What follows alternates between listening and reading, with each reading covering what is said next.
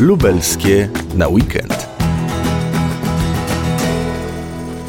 Starsi słuchacze Radia Lublin być może pamiętają aptekę, która stała na rynku w Kazimierzu Dolnym. O niej i jej właścicielach, Stanisławie i Marii Lichtsonach, zasłużonych dla Kazimierza, powie Monika Januszek-Surdacka z Muzeum Nadwiślańskiego. Przepiękny szyld tej apteki był widoczny z każdego niemal miejsca i ta apteka była świadomie bądź nie bohaterem bardzo wielu zdjęć, które wykonywali sobie państwo na rynku w Kazimierzu Dolnym. Niestety po aptece nie pozostał ślad. A może inaczej, po aptece został budynek, który wybudował właściciel tejże apteki Stanisław Lichtson jeszcze przed II wojną światową, bo wymyślił sobie, że właśnie z dwóch zrębów dawnych kamienic przy rynku powstanie taki reprezentatywny e, budynek kazimierski, utrzymany w pięknym stylu, ale właśnie z przeznaczeniem służebnym, czyli apteki, ale także to ważne, salonu towarzyskiego.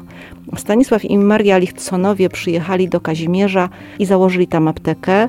Ich życiorys mógłby posłużyć chyba na scenariusz bardzo dobrego filmu, no bo jakże inaczej można by było mówić o fakcie uratowania Stanisława Lichtsona przez Feliksa Dzierżyńskiego w czasach rewolucji październikowej.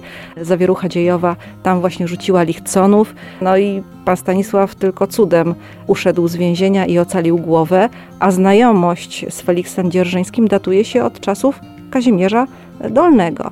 Po odzyskaniu przez Polskę niepodległości Lichconowie powracają do Kazimierza, reaktywują działalność apteki, włączają się także naturalnie w wir towarzyski, kulturowy całego miasteczka. To włączanie się ma pewne realne przełożenie na Kazimierz Dolny.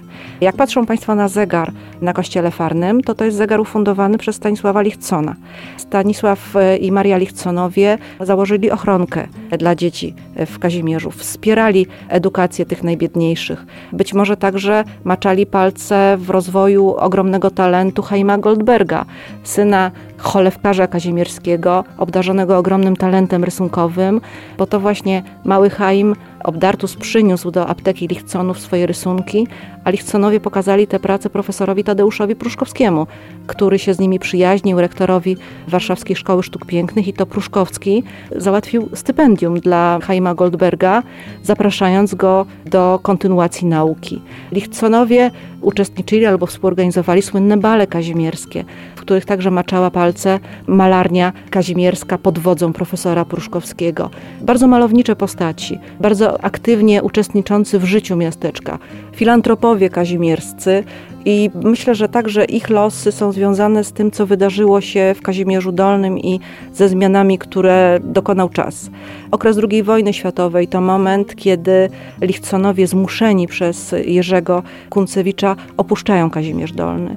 Jerzy Kuncewicz, prawnik, adwokat, ale także osoba zaangażowana jeszcze przed wybuchem II wojny światowej w procesy Żydów berlińskich, doskonale wie, czym grozi wejście Niemców do Polski. Wie, co czeka Żydów, zwłaszcza tych inteligentnych, i siłą zmusza Lichconów do opuszczenia Kazimierza Dolnego.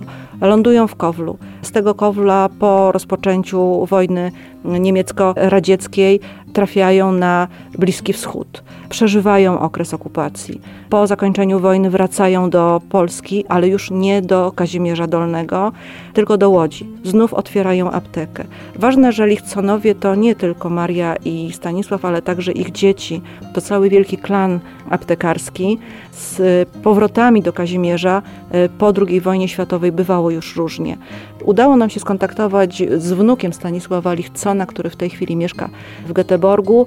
Podzielił się z nami swoimi opowieściami, mówiąc i wspominając jeden z epizodów, który przydarzył się jego matce, Annie.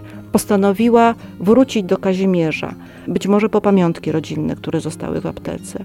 Być może dlatego, że chciała zobaczyć, co jeszcze z tej ogromnej tradycji Lichtsonów, ale także Żydów kazimierskich w miasteczku pozostało.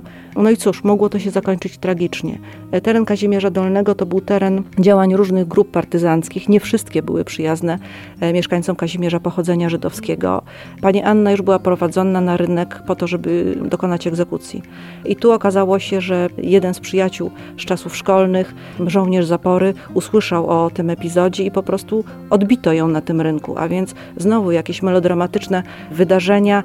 Pod eskortą została odwieziona do Łodzi, w której po II wojnie światowej Lichconowie wykupili aptekę i potem lata 60. nagonka antysemicka na Polaków pochodzenia żydowskiego doprowadziły do tego, że cała rodzina musiała z Polski, z kraju wyemigrować. Ta historia jest bardzo smutna, chociaż apteka przetrwała. Rzeczywiście była prowadzona przez osoby, których uczył, przygotowywał do zawodu Stanisław Lichtson. Charakterystyczne szyldy, charakterystyczne znaki w tej aptece e, były jeszcze do całkiem niedawna. No niestety potoczyło się tak, że po aptece w tej chwili nie ma już śladu żyje w pamięci mieszkańców Kazimierza Dolnego, ale także w tej pamięci żyją y, właściciele dawniej tej apteki. Żeby poszukać tych znaków, żeby poszukać tych opowieści, trzeba się wybrać na cmentarz. Paradoks, bo brama kazimierskiego cmentarza to dawna brama posesji Stanisława i Marii Lichtsonów. Została tam przeniesiona i służy teraz wszystkim ludziom. Informuje o tym maleńka tabliczka umieszczona na murze cmentarnym, przywołująca postać pani Marii i pana Stanisława i przypominająca o tym, że warto tropić tego typu ślady, mimo już na pozór nie ma ich w tym współczesnym wizerunku Kazimierza Dolnego. Aptekę Lichtsonów można zobaczyć na zdjęciach, także tych, które znajdą Państwo w internecie na stronie na rynku usiąść w Kazimierzu.pl. Lubelskie na weekend.